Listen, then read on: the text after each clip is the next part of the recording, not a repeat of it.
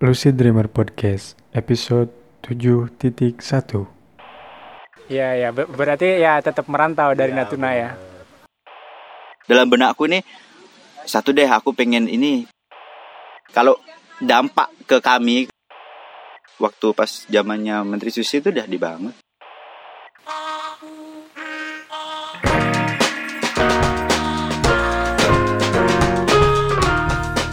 Assalamualaikum warahmatullahi wabarakatuh. Apa kabar teman-teman semua? Kembali lagi bersama saya Aji Fasbia Sidik dan sekarang kalian sedang mendengarkan Lucid Dreamer Podcast. Oke, di kesempatan kali ini saya akan membicarakan tentang Natuna, nasi borang Natuna. Ya, masih relevan gak sih kita ngomongin Natuna? Kalau menurutku ya tentu masih ya, karena pembahasan ini bukan pembahasan musiman. Kita harus terus memantau informasi-informasi terupdate mengenai Natuna gitu ya. Dan kebetulan sekarang saya akan ngobrol langsung dengan orang Natuna, asli orang sana. Dan kebetulan dia juga seorang lulusan kesehatan masyarakat yang sedang mengikuti program pe- pengabdian dari pemerintah. Ya, namanya adalah Adi Saputra. Halo Adi. Hai ini gimana aku harus nyapa dulu gak deh? Hah? Ya boleh kalau mau nyoba. Hai assalamualaikum sama pendengarnya Azim gitu kan ya Ya. Oke, eh, di ini kan kau lagi ikut program pengabdian ya? Nusantara Iya Sehat. ya? benar Nusantara Nah, itu- Sehat yang base individu Individu. Jadi eh, kan ada tim dari individu Kebetulan aku sih ikutnya yang individu Individu. Hmm. Ini eh, penempatannya di mana pengabdian? Penempatannya di Kabupaten Ketapang, Puskesmas Pemahan. Jadi Kecamatan Pemahan, Kabupaten Ketapang, Kalimantan Barat. oh di Kalimantan. Iya, Kalimantan Oh, iya. Barat. Eh, itu, itu kau bisa kasih gambaran nggak lokasi pengabdianmu itu seperti apa? Hmm, Gimana ya? Karena pada dasarnya Nusantara Sehat kan memang kita memang udah tahu lah Nusantara Sehat nanti penempatannya di daerah terpencil, Iya. sangat terpencil, kepulauan dan perbatasan. Jadi kalau ditanya daerah ya pasti orang-orang akan mindsetnya oh ya nih daerah terpencil gitu kan ya. Ya, Jadi kebetulan aku ngambilnya daerah yang terpencil. Gambaran di sana sih ya nggak semengerikan yang yang dibayangkan. Nah, yang awal dibayangkan kan sampai awal-awal tuh ini HP ini harus bawa HP yang nggak ada kameranya Oh, gitu kan gitu. biar ada sinyal. Ternyata sampai sana juga sinyalnya bagus, lancar. Oh, Terus ada. habis itu eh ya buat yang anak-anak milenial yang masih suka main game di sana bisa masih main Oh bisa, game. masih, Iya, bisa. jadi- masih, jadi- eh, si- masih terjangkau lah Hmm, masih gitu ya. nyaman, tempatnya masih nyaman. Terus mungkin untuk kondisi kalau misalkan kondisi kesehatan karena memang juga jauh ya, jauh dari eh, apa kabupaten, dari pantauan ya fasilitasnya masih ya masih minim. Terus untuk daerah-daerah untuk aksesnya masih susah dari kabupaten juga masih beberapa jam kita ke sana. Jauh ya berarti. Jauh, jauh banget. Jadi Ah, ya harus gitulah. nyebrang-nyebrang itu nggak naik naik Eh, enggak kapal? sih, kalau yang aku kebetulan bukan daerah kepulauan ya, jadi Oh. dia daerahnya memang daerah eh, kalau di sana itu perkebunan sawit. Oh ya. Nah, jadi perkebunan sawit, jadi ya memang yang masih hutan lah, masih kebun, jadi bukan yang kepulauan. Berarti kebanyakan petani ini ya pekerjaannya. Banyaknya iya eh, petani, kebun sawit, Kebun. ya rata-rata situ. Terus perusahaan juga udah sampai sana. Kalau dari budayanya? Kalau Budaya budayanya di sana ada dua. Ada yang khas di Eh, sana. ya, di sana ada dua apa namanya? Dua eh, Suku. suku, nah, Ah. suku Melayu sama suku Dayak. Oh. Tapi nggak menutup kemungkinan juga di sana ada beberapa, ada dua desa juga dia dari transmigrasi. Oh, Nah, berarti jadi campuran di situ. hmm, ada dari Jawa Barat, terus kemudian juga banyak dulu eh, program yang guru guru pas zaman Soeharto tuh guru apa sih yang dipindahkan ke Kalimantan dari NTT itu. Oh, gitu ya. Nah, Ah, itu juga banyak. banyak di sana. Kalau bahasa Bahasanya pakai bahasa Melayu, ada juga bahasa Dayak. ada ada kesulitan dengan bahasa atau Eh, bahasa Indonesianya mereka bisa? Bisa Indonesia, Bisa. tapi karena memang aku lahirnya di Natuna yang eh, notabene Melayu, jadi begitu Melayu ke sana nggak nggak ngubah banyak. Oh, jadi gitu. ngerti. Jadi cuman kalau bahasa Dayak aja yang sampai sekarang belum bisa dipahami. Kalau ga- gambaran dari mungkin fasilitasnya selama kamu menjalankan program pengabdian di sana. Fasilitas ya, sebenarnya kalau misalkan Nusantara Sehat itu memang dari awal kita penempatan itu udah dijamin sih kita bakalan dapat tempat tinggal yang layak eh, untuk kita. Jadi memang Nah. harusnya puskesmas sudah menyiapkan tempat tinggal yang layak untuk kita. Tempat tinggal sih aman. Terus kalau fasilitas sebenarnya kita ah, nggak uh, bisa bandingkan di kota sih. Okay. Jauh banget, jauh yeah. banget ya kayak fasilitas yang ada di puskesmasnya, fasilitas ini memang jauh banget kalau dibandingkan di kota. Jadi memang bener-bener yang daerah daerah terpencil lah bisa teman-teman bayangkan nggak kayak gitu lah. Iya. Apakah apakah kehadiran Nusantara saat itu memang benar-benar dibutuhkan di sana gitu? Dibutuhkan Kira-kira. atau enggaknya sih tergantung nanti lah ya evaluasi dari mereka seperti apa. Tapi kalau dari pengalaman beberapa yang udah penarikan dan menurut eh, review dari Kementerian Kesehatan juga bahwa Nusantara Sehat itu memang banyak banyak apa namanya banyak merubah merubah dari kan memang tujuan awalnya kan Nusantara Sehat kan memperluas pelayanan Ya. terus habis Ah. itu memperluas jangkauan jangkauan pelayanan kesehatan tenaga kesehatan makanya muda-mudi yang dari kota tuh ditempatkanlah di daerah-daerah terpencil itu sih katanya sih berhasil gitu maksudnya berhasil mm, sejauh ini berhasil karena memang dia jadi inilah jadi pendorong-pendorong pelayanannya di sana Jadi- menggerakkan gitu iya ya. bener jadi kalau aku sih karena para medis jadi nggak nggak seberapa merasakan tapi untuk yang di bidang-bidang medis kayak dokter kayak Ya. perawat itu kayaknya lebih lebih merasakan pemenanganin pasien di daerah terpencil gitu. tuh seperti itu beda kayak gitu jadi Iya. memang eh, kalau dari reviewnya sih berhasil lah untuk penempatan Nusantara Sehat ini. di di sana ada berapa orang yang sama-sama dari Nusantara Sehat Kalau di tempat di puskesmasan tuh ada tiga, jadi kami individu, individu semua masing-masing dan masuknya itu ploternya beda-beda. apa aja itu eh, Eh, ba- backgroundnya Iya, kalau aku sendiri kan public health ya, Ah. eh, eh, apa kesehatan masyarakat, terus habis itu ada satu lagi dari analis kesehatan, terus satu lagi Mhm. dari apoteker. apoteker Iya, dokternya ada dokternya kebetulan kalau di puskesmasku dokternya udah ada PNS di sana sih. P- eh, dokter PNS memang dokter yang tetap di sana. Dan itu pun dokternya kayaknya orangnya dari luar deh, dari Medan.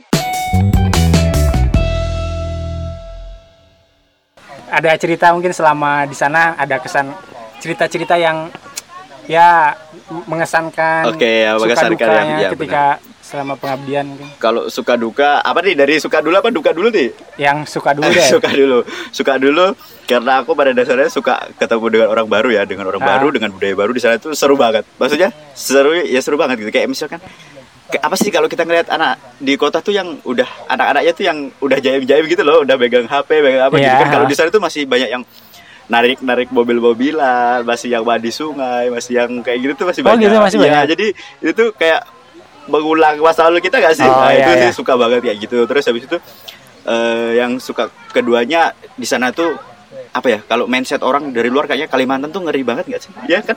Iya, Kalimantan mungkin, tuh iya gak sih Kal- kalau merantau ke Kalimantan tuh hati-hati. Kalau sebenarnya kalau misalkan kita di sana tergantung pribadinya masing-masing. Aku masuk ke sana tuh kayaknya kayak disambut yang luar biasa banget gitu loh. Iya. Oh ya orang baru nih Tamu dikenalkan gitu ya. oh dikenalkan di sini. Jadi itu yang suka banget. Terus habis itu kayak mereka tuh nggak ada pelit-pelitnya deh. Pokoknya apa pun yang mereka punya ayo gitu kayak aku nih suka banget sama durian pas ke sana tuh durian melimpah banget nggak pernah beli durian apa itu Oh, gitu. suka banget pokoknya pengalaman pergi ke pohon durian pengalaman. Pokoknya apa yang belum pernah kita lihat di kota di sana nampak semuanya. Pantas subur ya sekarang. 10 kilo lah aku naik. Aduh. Sekarang udah berapa lama? Udah sekarang eh udah berapa bulan ya aku? 14 bulan ya kayaknya. 14 tahun Mm-mm. lebih berarti ya? Mm-mm, Berarti- soalnya Oktober besok selesai nih. Iya, kalau dari gitu. cerita dukanya? Kalau dukanya dukanya yang pertama eh, kalau buat orang yang nggak bisa beradaptasi kalau misalkan aku pribadi sih alhamdulillah sih eh, untuk beradaptasi cepat gitu kan. jadi cuman cerita beberapa temen gitu kan yang susah untuk beradaptasi yang kemarin eh, harusnya apa namanya mandinya enak airnya lancar terus tiba-tiba di tempat terpencil nggak ada airnya harus mandi sungai sampai Oh, gitu ya? nangis apa segala macam kayak gitu Iya, loh jadi kayak gitu jadi kalau misalkan aku pribadi dukanya apa ya hampir gak ada dukanya deh ada dukanya ya? paling iya kalau misalkan ya nggak ada, nggak ada ini sinyal da- ya oh nggak ada sinyal buat iya kadang-kadang soalnya kan kontak-kontak gitu ya. Daerah terpencil kan kita nggak duga-duga. Kadang hujan dikit mati lampu sinyal hilang. Oh, gitu. Nah, kayak gitu loh. Udah habis itu kayak tadi kalau misalkan kekeringan harus numpang mandi ke tempat orang yang ada airnya atau mandi ke sungai itu. Terus apalagi dukanya? Atau mungkin selama menjalani program di sana Hmm, program. ada dukanya? Kalau dukanya dari masyarakat penerimaannya gitu? Iya, jadi emang beda-beda sih kita nggak bisa menilai masyarakat memang jadi satu baik semua nggak juga. Ada juga yang kadang kita kan para medis nih, Ah. eh, terus habis itu program kita juga ke lapangan gitu kan, Iya. jadi harus langsung ke orang-orang. Misalkan kayak misalkan aku nih kebetulan bi- biarpun di Epit di sana tuh eh, ditunjuk sebagai cashlink. Jadi orang Ah. sana tuh ngertinya SKM, SKM tuh semua mencakup gitu. Misalkan cashlink bisa, apa bisa. Jadi itu loh, kayak apa? Kita tuh kadang-kadang yang Nusantara ini loh anak Nusantara saya tuh harus tahu semua. Iya, Ah, iya, kadang-kadang pandangan mereka tuh kayak gitu harus tahu semua harus bisa semua jadi yang harusnya epit pegang casling kayak gitu kan jadi kayak pertama buat aku kayak langsung ke masyarakat yang beriksa jamban apa segala macam kadang kan kalau misalkan orang yang nggak terima eh apa sih jamban kok diperiksa terus Oh, Ah, kayak gitu. gitu. emang mau ada bantuan ya kayak gitu gitu Oh. sakit hati kayak gitu sebenarnya kalau Ya, ya, tapi ya. kalau nggak baper sih itu nggak jadi duka gitu. jadi masih Jadi tantangan gitu ya, bener jadi masih tantangan. anu terus stakeholder stakeholdernya juga ke kesehatan tuh masih Iya.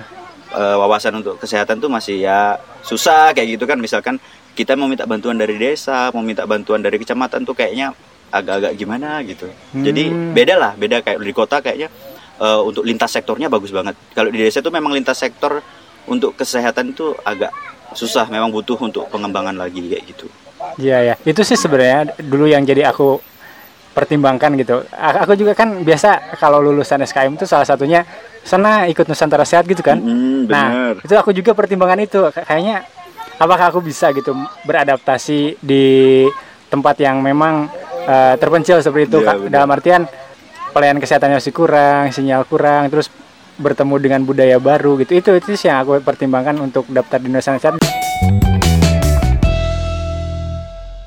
Tiba-tiba ikut Nusantara Sehat aja itu gimana ceritanya dulu? Iya. Kok tiba-tiba masuk Nusantara Sehat? Tahu-tahu udah masuk aja? gimana ya aku memang dari dulu pertama diluncurkan Nusantara Sehat tuh 2015 kan? Kalau nggak salah masuk pelajaran Pak Kadar deh ya, di Eh, kelas Pak, ya. Pak Abdul Kader kan Ah. ngajar terus memper- eh, Menceritakan. eh, menceritakan tentang Nusantara. Aku tuh dari situ mindsetku udah "Ah, aku pengen Nusantara Sehat. Pokoknya dari situ aku pengen Nusantara Sehat. Jadi begitu lulus terus emang sempat sih kerja nggak eh, di Nusantara Sehat di yayasan dulu terus Nah itu aku tahunya di situ. Ah, dia- Tiba-tiba di Nusantara Sehat. gitu. Iya, bu- tapi biarpun di yayasan tuh Nusantara Sehatnya masih melekat gitu loh. Ah. Nah, jadi begitu ada kesempatan, aku pengennya yang tim awalnya. Tapi waktu pas eh, pembukaan tuh cuman ada yang individu untuk SKM-nya. Jadi, ah udahlah, mau tim mau individu kayak sama aja ya udah. Jadi akhirnya daftar yang individu karena memang udah apa ya? Udah niatnya dari awal Nusantara, jadi ya memang yang bener-bener belajar gitu loh. Ah. Dan akhirnya keterima, terus alhamdulillah penempatan. Nyari yang tempat di daerahku nggak ada, Nah, itu- ujung-ujungnya ke Kalimantan. Ya makanya aku mau tanya nggak ada kan penempatan di Natuna di sana. Sebenarnya yang lain ada nggak sih? Iya benar Sebelum-sebelumnya di Natuna yang di tempat di Natuna tuh ada. Natuna tuh banyak malahan. Soalnya Natuna kan daerah kepulauan. Ah. Jadi ada tim di sana. Oh, ada tim. Ah, ada yang indi- seangkatanmu. individu di sana. Pas angkatanku nggak tahu apesnya atau apa aja memang dituntut untuk merantau lagi kali ya. Gitu nggak ada. Nggak ada? Nggak Oh, ada. nggak ada. Jadi memang kayaknya tempat yang paling dekat dari Natuna tuh Kalimantan, Barat deh. Iya ya, ber- berarti ya tetap merantau dari Iya Natuna ya. benar. Itu dulu dulu syaratnya apa? Waktu masuk Eh, syarat eh, ya Nusantara Sehat itu. Dulu sih, tapi kan eh, ini lepas dari apa? Lepas dari STR yang sekarang entah lagi entah jadi atau entah enggak untuk Ya, kita ya. Nah, STR lepas dari STR itu, lagi ditunda. ah, ah, jadi dulu itu yang paling penting tuh STR. Oh, STR, STR ada harus. STR, ada ijazah dong, lulus dulu ada Ah. ijazah. Terus habis itu apa? Terus syarat-syarat yang lainnya kayak ya syarat-syarat admin lah biasa. Yang penting ijazah ada, STR ada, dah. Jadi itu yang katanya esai juga menulis esai gitu ada kan? Oh, esai itu di pendaftaran ini. Pendaftaran kita kan ada beberapa tahap. Ah, Jadi tahap pertama itu nanti eh, kita daftar online. ah. Nah, pertama eh, di administrasi online tuh ya itu kita upload STR, ijazah, terus ada esainya. ada esai Mm-mm, kita buat esai, terus habis itu kita pokoknya tentang pertanyaan-pertanyaan biasa lah untuk apa namanya? Seleksi lah, Mm, untuk se- seleksi, motivasi Anda mengikuti Nusantara Sehat Ya. apa kayak gitu-gitu. Nah, dan setelah itu setelah administrasi ada apa lagi Ah, prosesnya? setelah online nih, online kan kita Ah. kirim online, terus habis itu begitu kita keterima online, baru Ah. kita ada tes tertulis. Tes tertulisnya itu lebih banyaknya ke psikotes. Tes tertulis hari itu juga kita FGD, habis FGD terus kita langsung wawancara. Wawancara. Hmm. Itu ada ada berarti apa namanya? Ada seleksi administrasi, ada seleksi tes ya. Iya, Gitu. tes tes tertulis itu, itu, yang wawancara semua juga. iya include langsung langsung ke tes Oh, berarti tertulisnya. tes tertulis sekaligus tes Mm-mm, itu wawancara. satu hari, ingat gue dari jam 7 kita masuk sampai jam 5 itu baru selesai semua tes. Nanti kita dikasih masalah nih, terus kita satu kelompok tuh suruh prioritaskan masalah Oh, ini. Jadi, analisis masalah gitu. ha, jadi kita memang satu kelompok itu harus benar-benar setuju ini nomor satu dan ini nomor enam, ah, Oh, gitu. ya. Jadi, itu eh, proses itu eh, udah apa namanya? Udah memastikan kalau semua itu bakal masuk kelompok enggak, itu. Enggak. enggak. Oh. Pas aku kemarin yang masuk ke tes tertulis itu 2000 lebih yang diambil cuma 200-an. Oh gitu. Oh berarti itu memang proses ini ya, bukan bukan simulasi berarti ya? Bukan, memang, Tapi memang tes, bener-bener tes tes. gitu ya? Tes ya. Oh iya. Banyak iya, juga sih yang gagal di tes tertulisnya kayak gitu. Terus abis itu setelah setelah Pengumuman. tes eh, itu pengumuman, kalau misalkan aku karena aku ngambilnya individu, jadi setelah itu ada namanya eh, pemilihan tempat. Nah, pemilihan tempat Oh ini itu ditentukan sama kita, milih Hmm, kalau tempatnya. yang individu kita bisa milih individu, Oh. tapi milih pun udah disediakan List, sama udah di list gitu, kita tinggal udah milih disediakan dari list sama, itu. eh, sama Kementerian Kesehatan sudah disediakan, kita milih dan milih itu juga di situ juga ada tantangannya. Apa? Jadi ketika kita milih satu daerah dan situ ada juga yang milih, nah kita harus bersaing sama orang itu dong. Oh. Nah, yang bersaing di situ adalah nilai tes. Jadi usahakan pas tes itu benar-benar nilainya tinggi. Jadi untuk meyakinkan kita bahwa kita akan lulus ketika milih penempatan walaupun di tempat itu ada yang milih juga. Oh berarti se- seleksinya gitu ya? Iya. Oh. Jadi kadang-kadang ada yang nunggu sampai 2 tahun itu. maksudnya dua tahun gimana? Jadi dia Hasilnya? udah lulus, udah lulus tes tertulis tapi milih penempatan beberapa periode dia nggak nggak keterima. Oh itu bisa. Bisa. Oh. Jadi nunggu nunggu nunggu sampai keterima itu ada yang sampai 2 tahun juga. Oh iya iya iya. Iya. Berarti eh, ini beruntung ya kau bisa Iya, kayaknya ya atau atau kau memang bulus-bulus aja sih. memang memanfaatkan kesempatan gitu ketika ada pemilihan penempatan ya udahlah bisa di mana aja gitu. ya. Nah itu sebenarnya kita pakai ini deh, pakai apa namanya, pakai strategi juga. Kalau misalkan kita ngerasa di tes tertulis kita rendah, cari penempatan yang kalau bisa itu kita cuman kita yang milih gitu loh. Oh, Eh, jadi ya. misalkan kayak kebanyakan yang agak susah, kalau misalkan di daerah Sulawesi itu kan saingannya agak banyak nih. Nah, Nah kayak gitu. Terus kalau misalkan yang agak mudah, ya udah sih pilih-pilih daerah yang peminatnya kurang kayak Kalimantan, Papua, apa segala macam tuh hmm, kemungkinan akan mudah untuk masuknya kayak gitu. Iya ya. Tapi kalau tesnya kita yakin tinggi, udah terserah aja mau pilih di mana Iya, aja. iya.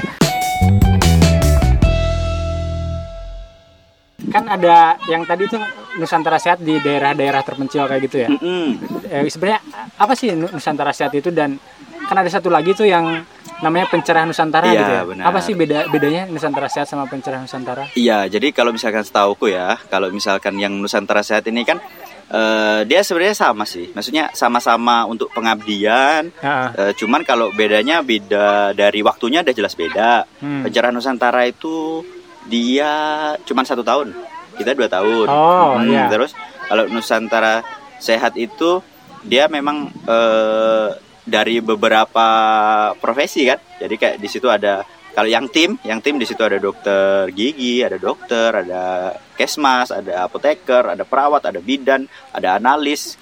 Berarti semua background kesehatan bisa Mm-mm, masuk bisa ya? masuk kalau yang dalam tim. Terus habis itu eh Nusantara Sehat ini yaitu ada dua individu sama tim. Terus habis Hmm. itu kalau yang pencerahan Nusantara ya kayaknya cuman dia itu program yang memang udah didesain satu tahun kelompok juga deh kalau nggak salah aku. Dia kelompok juga ditempatkan di suatu daerah. Hmm. Ya sama sih sebenarnya untuk mengabdi juga. Itu itu untuk- ke keluar Jawa juga. Kalau yang iya, pencerah. jadi penempatannya mereka masing-masing kayak yang periode pas aku masuk Nusantara Sehat itu di Aceh deh kayaknya. Oh. Pencerahan Nusantaranya. Ya ya ya. Mm. Tujuan dari program ini eh, baik pencerahan Nusantara maupun Nusantara Sehat kan ingin eh, memperluas pelayanan kesehatan gitu ya, ke Mm-mm, mem- benar. meratakan pelayanan Mm-mm. kesehatan ke setiap daerah-daerah yang ada di Indonesia gitu ya. Iya. Nah, kalau menurutmu nih, itu efektif nggak untuk menyelesaikan eh, permasalahan kesehatan yang ada di tempatnya deh, gitu, Ya. yang di di lokasi eh, pengabdian di sana? Kalau menurutku sih efektif nggak efektifnya itu tergantung dukungan dari stakeholdernya lagi masing-masing. Jadi ada misalkan aku ambil contoh nih eh, di tempatku wes. Kalau di tempatku Ah. jadi eh, dukungan dari Pemda atau dukungan dari itu memang sangat diperlukan gitu loh. Misalkan tempatku puskesmas ada analis. Nah, jadi pas aku pertama masuk lab tuh nggak berfungsi. oh gitu. Jadi lab tuh kosong kayak gitu. Terus habis itu begitu masuk analis, nah mulailah dia berbenah. Ah, Diadakan mikroskop, bisa ngukur tentang HB, bisa ngukur eh, widal apa segala macam. Oh, Jadi gitu. alat-alatnya ini kan diajukan lagi ke Oh, Pemda, terus iya. puskesmas juga beli. Jadi secara nggak langsung ketika ada Nusantara Sehat eh, itu kayak fasilitas kesehatan tuh Bisa berjalan. ya, bisa berjalan dan ketika oh ya nih pengalamanku dulu di kota kayak gini loh harusnya ada ini ini nah nanti di sana juga oh ya ya udah beli semampunya puskesmas terus apa kalau misalkan ada dukungan dari Pemda yang kayaknya kayak di Sulawesi itu kan misalkan puskesmas ini nggak ada dokter gigi awalnya terus dikasih Nusantara Sehat dokter gigi. Akhirnya ada meja pemeriksaan gigi kayak gitu. Oh. jadi Apakah memang- itu eh, memang request dari pemerintah daerahnya juga terkait biasa- petugas-petugasnya? biasa pemerintah daerah kan harus mendapat request dari puskesmas kan jadi ketika Ya. selama ini puskesmas nggak ada petugasnya nggak ada dokter giginya ya kan nggak ada yang request buat meja gigi Oh. jadi begitu ada Nusantara Sehat yang memang Gigi. ah, gigi dia minta meja gigi otomatis puskesmas juga jadi ada pemeriksaan gigi Ah, yang harusnya labnya nggak jalan ada orang lab eh, otomatis labnya harus dipenuhi fasilitas kesehatannya jadi dari situ sih maksudnya dari situ tuh memang eh, suatu keberhasilan untuk menambah eh, apa fasilitas kesehatannya terus kayak pelayanannya yang dulunya di puskesmas ini nggak ada dokter akhirnya ada dokter terus posyandunya nggak jalan jadi jalan nah kayak gitu Nah, iya eh, mungkin ketika itu gitu ya. Ketika Mm-mm. itu eh, program-program kesehatan bisa berjalan. Nah, apakah karena kan tadi bilang dua tahun ya, Mm-mm. cuma dua tahun kan Iya, pengabdiannya. benar, dua tahun Nah, setelah pergi itu orang-orangnya setelah pergi itu apakah programnya bisa terus berlanjut? Ataupun mungkin ada proses pengkaderan kepada orang-orang yang memang tinggal di sana gitu. Dari cerita sebelumnya, mungkin di tempat di tempatmu yang sekarang nih, Mm-mm. ada nggak bekas Nusantara Sehat yang sebelumnya? Oh ya, jadi karena aku masuk 2018, jadi yang individu itu kayaknya mulai dua tahun sebelum aku. Jadi kan memang Ah. belum ada penempatan di sana, baru pertama Ah, kali baru nih, pertama baru kali. pertama kali dan di puskesmasnya tuh di puskes pemahan tuh aku Nusantara Sehat pertama gitu loh. Ah, Nah, jadi oh enggak enggak ada apoteker duluan, ada apoteker dulu, baru aku datang. Nah jadi ada bekasnya gitu. bekasnya apotekernya belum selesai dong. Oh iya iya masih di iya. sana. iya. Jadi belum Ah. berbekas, masih di dalam bentuk wujud nyata gitu kan. Jadi kalau untuk meninggalkan bekas itu sebenarnya tantangan buat kami sih. Kayak buat aku kan pengen juga nanti apa sih ya yang mau aku tinggalkan untuk puskesmas perumahan nih. Nah kayak gitu kayak misalkan dalam benakku nih satu deh aku pengen ini pengen apa namanya eh pemahan nih ada desa yang ODF itu loh yang apa namanya yang dia nggak buang air besar sembarangan Ah. di desa yang benar-benar udah bebas buang air besar sembarangan jadi Ah, mau ku EDF kan satu desa kan karena kebetulan aku di sana dipercaya sebagai megang program Cashlink Cashlink, gitu. ah. Terus sebenarnya kalau misalkan ada beberapa puskesmas yang eh, kepala puskesmasnya tuh ada kebijakan internalnya misalkan anak Nusantara Sehat nggak boleh megang program. Oh, ada kayak gitu. Nah, tujuannya apa? Tujuannya anak Nusantara Sehat itu di balik pemegang program. Jadi misalkan aku nih meg- eh, megang cashlink, tapi harusnya aku nggak megang cashlink. Yang megang cashlink itu orang sana, terus kamu di belakangnya. Jadi nah, ketika aku tinggal mereka ya udah bisa. Bisa, bisa sana, itu Kayak maksudnya. gitu. Jadi sebenarnya ada puskesmas yang kayak gitu. Ada Oh, juga yang puskesmas yang percaya aja deh sama Nusantara Sehat. Nanti kalau Nusantara Sehat pergi ya urusan nanti. itu Eh, itu tergantung Iya ya, tergantung, lagi nanti di lokasinya daerahnya kayak gitu mana. ya. Tapi kalau misalnya sebisa mungkin sih kita, kalau aku pribadi sih pengennya sih kayak gitu. Begitu ka- aku pergi nanti kayak surveillance-nya tetap jalan dipegang sama orang yang bener. Terus Habis itu kayak cashlink-nya harus program-program yang udah ada nih dilanjutkan Iya, lagi iya. kayak gitu. Ya, kalau dilihat sih memang bagus ya program Nusantara saat ini, tapi itu tadi kayaknya bu- memang belum merata ya di setiap setiap daerah masih Iya, berbeda benar, gitu. eh. Dalam artian eh, keberlanjutan programnya itu di Iya. di lokasi itu setelah ditinggal oleh orang-orang Nusantara Sehat apakah masih berlanjut atau tidak? Mm-mm. Sebenarnya Nusantara Sehat kan kita kan ada permintaan juga. Jadi dari Kementerian Kesehatan tuh ngasih kayak apa? Kayak surat edaran gitu. Butuh nggak Nusantara Sehat? Nanti kapusnya yang aku butuh Nusantara Sehat di bagian ini kayak gitu. Jadi itu tuh kembali ke SDM-nya di puskesmas masing-masing. Ketika mereka butuh, mereka bakalan nulis dong. Iya. Ngirim ke dinas butuh Nusantara Sehat pegawai ini, butuh Nusantara Sehat pegawai ini. Jadi kemajuan di daerah suatu daerah itu memang tergantung kepemimpinan kapusnya kalau menurut aku kampus kapus kepala puskesmas Oh, kepala puskesmas. Oh iya. Itu berarti balik ya tergantung ya gimana iya eh, orientasi dari Orientasi, kepala puskesmasnya iya, itu benar. apakah pengen memajukan atau enggak? Oh ya. kalau kami Mungkin- sih ya tinggal kerja di lapangannya memang diusahakan sih Iya, iya, sebaik iya. mungkin lah Karena itu sempat jadi diskusi juga gitu di tempatku. Hmm, Ini sebenarnya program Nusantara Sehat ini benar-benar efektif nggak untuk memeratakan pelayanan kesehatan gitu? Karena kan memang cuma dua tahun, terus Iya, juga di daerah-daerah terpencil yang memang tadi ya disebutkan Iya, fasilitas-fasilitasnya masih perlu supply, perlu dukungan yang lebih. Nah, apakah ketika ditinggal itu membekas, berlanjut atau Mm-mm. enggak gitu? Supaya enggak sia-sia gitu loh. Iya, sebenarnya juga dalam bedakku tuh masih pertanyaan kenapa sih cuma dua tahun? Nah, Nah, kayak gitu. gitu kan. Sementara kalau ada loh guru garis depan GGD gitu kan itu sampai 10 tahun kayak Iya. gitu-gitu. Mungkin dua tahun akan terasa lama ketika mereka ditempatkan di daerah yang nggak mereka senangin kayak gitu kan dan akan terasa bentar kalau yang suka eh, kayak gitu Nah ini sekarang kau mengabdi menyelesaikan permasalahan-permasalahan yang ada di tempat pengabdianmu di mana tadi? Kalimantan di Kalimantan Barat. Kalimantan Barat ya gitu ya. Nah sedangkan di daerah asalmu nih sekarang masih ada masalah-masalah juga nih terkait di Natuna itu kan terkait konflik sama Cina ya kan yang kemarin iya itu benar. Terus iya ya juga- Natuna terus ya. yang, yang corona corona juga ini kau sebagai orang Natuna nih mungkin ada informasi-informasi atau cerita-cerita mengenai konflik tersebut atau permasalahan tersebut? Iya benar kemarin Ke- sih ya ini dulu deh satu-satu. Yang corona konflik dulu ya? yang konflik dulu. Gue konflik dulu yang konflik konflik- sama ya kan kan ke- Hmm, pertama hmm. yang panasnya itu yang konflik kapal dulu. itu ya? Ah, yang kapal itu. Ka- kalau menurutmu gimana kalau kapal itu eh, nggak dipungkirin sih ya. Nggak dipungkirin tuh dari kayaknya zaman zaman dulu juga udah banyak Oh, udah deh. sering? udah banyak deh kapal-kapal masuk. Cuman nggak terekspos. Oh ya. Nah, jadi eh, mungkin karena dulu juga media sosial juga nggak segencar ini kan. Ah. Jadi perasaanku dari aku kecil juga udah banyak orang-orang Vietnam, orang-orang Thailand tuh yang ditangkap dan di- dijadikan tahanan di sana kayak gitu oh loh. di- di- ditangkap Iya, ada Hmm. beberapa yang ketangkap terus kan di orangnya kan eh, ditahan sementara di sana gitu kan. Kalau misalkan nggak apa sih nggak dikembalikan atau kayak mana gitu cuy. Jadi ada beberapa orang yang hidup di sana yang kadang sampai nggak mau pulang juga ada loh.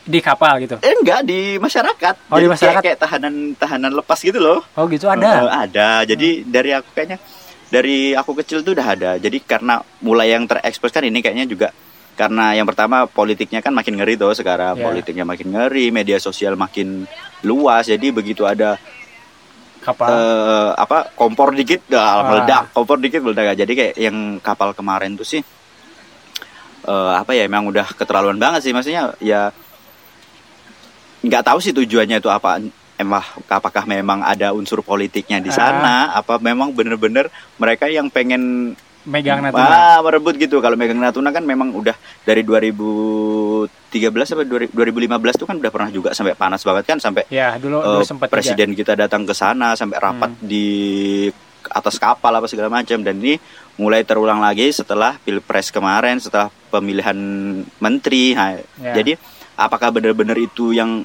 benar-benar terjadi real atau ada unsur politiknya itu kan kita nggak tahu Iya, iya Ah, sih. Kalau dilihat berarti kan eh, yang kemarin itu bukan masalah baru gitu ya. Artinya Mm, itu sudah udah sering lama terjadi. udah gitu ya. lama udah, sering terjadi dan baru meledak kemarin itu Kalau imbasnya ke orang-orang Natuna di sana nah justru dari konflik itu, Ya. apakah ada? kalau misalkan nelayan justru nelayan nelayan kan pasti tapi memang nelayan tuh memang dari dulu mereka tuh udah mengalami ini cuman akhir-akhir ini aja lah baru terekspos dan media bisa bisa benar-benar mengekspos itu kan akhir-akhir ini. Jadi kayak kemarin nelayannya videoin kapal Cina yang ngusir Ah, mereka ah, ah. videoin yang kapal Cina nangkap nabur apa tebar jaring anu pukat harimau itu Ah. gitu kan. Jadi baru bisa terekspos. Sebenarnya dari dulu-dulu juga ada cuman ini benar-benar terekspos. Jadi kalau dampak ke kami ke nelayannya di sana ya jelas dong ikannya apa segala macam. Kayak misalkan kemarin kemarin ada kebijakan menteri eh, yang menteri kita yang lalu lah ya eh, Ibu Susi itu kan Ah, kan itu kan tegas banget tuh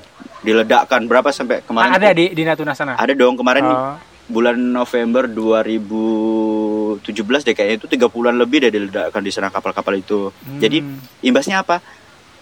Kita Indonesia jadi pengekspor nomor satu tuna kan? Oh iya. nah, iya, jadi iya. kan itu imbasnya. Kalau misalnya memang karena itu dari tegasnya menteri yang lalu gitu kan terus habis itu dan jadi yang sebelum-sebelumnya kenapa kita nggak bisa jadi nomor satu ya mungkin dampak dari itu Dari- ikannya udah diambil diambil sama, orang, lain kayak gitu gitu. sementara kami nelayan yang di sana nelayan yang di sana tuh mancing tuh cuman pakai pancing tarik gitu loh Oh, Pancing teknologinya ulur. beda. Oh iya, gitu pokoknya ya. banget. Makanya kemarin sempat heboh.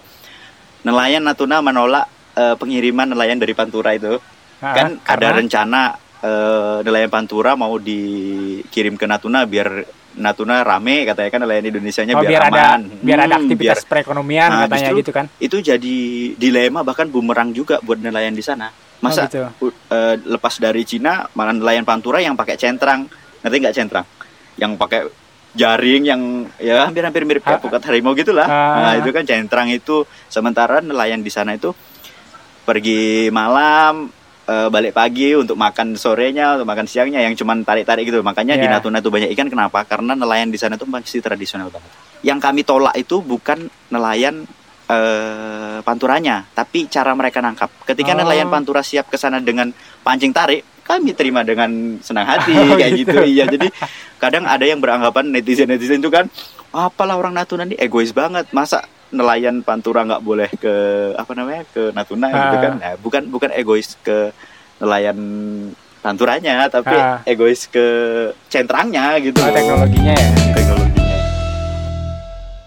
Karena pemberitaannya Iya, yang cukup heboh jadi sudah luas jadi jadi, kayak kayak ini ya, kayak Mm-mm. apa namanya? semua orang gitu kayak tapi emang perhatiannya ke sana yang gitu. kemarin ini agak keterlaluan juga sih sampai apa eh, kapal pengaman pantainya Iya. Cina kan sampai ke perairan Natuna jauh banget gitu kan Tapi itu bisa jadi, pembelajaran juga kan. Dalam artian k- kenapa kita juga nggak melakukan itu gitu. Dalam artian kita mengawal nelayan-nelayan kita iya untuk benar eh, di sana gitu kan. Atau mungkin ada aku pernah dengar dari siapa gitu.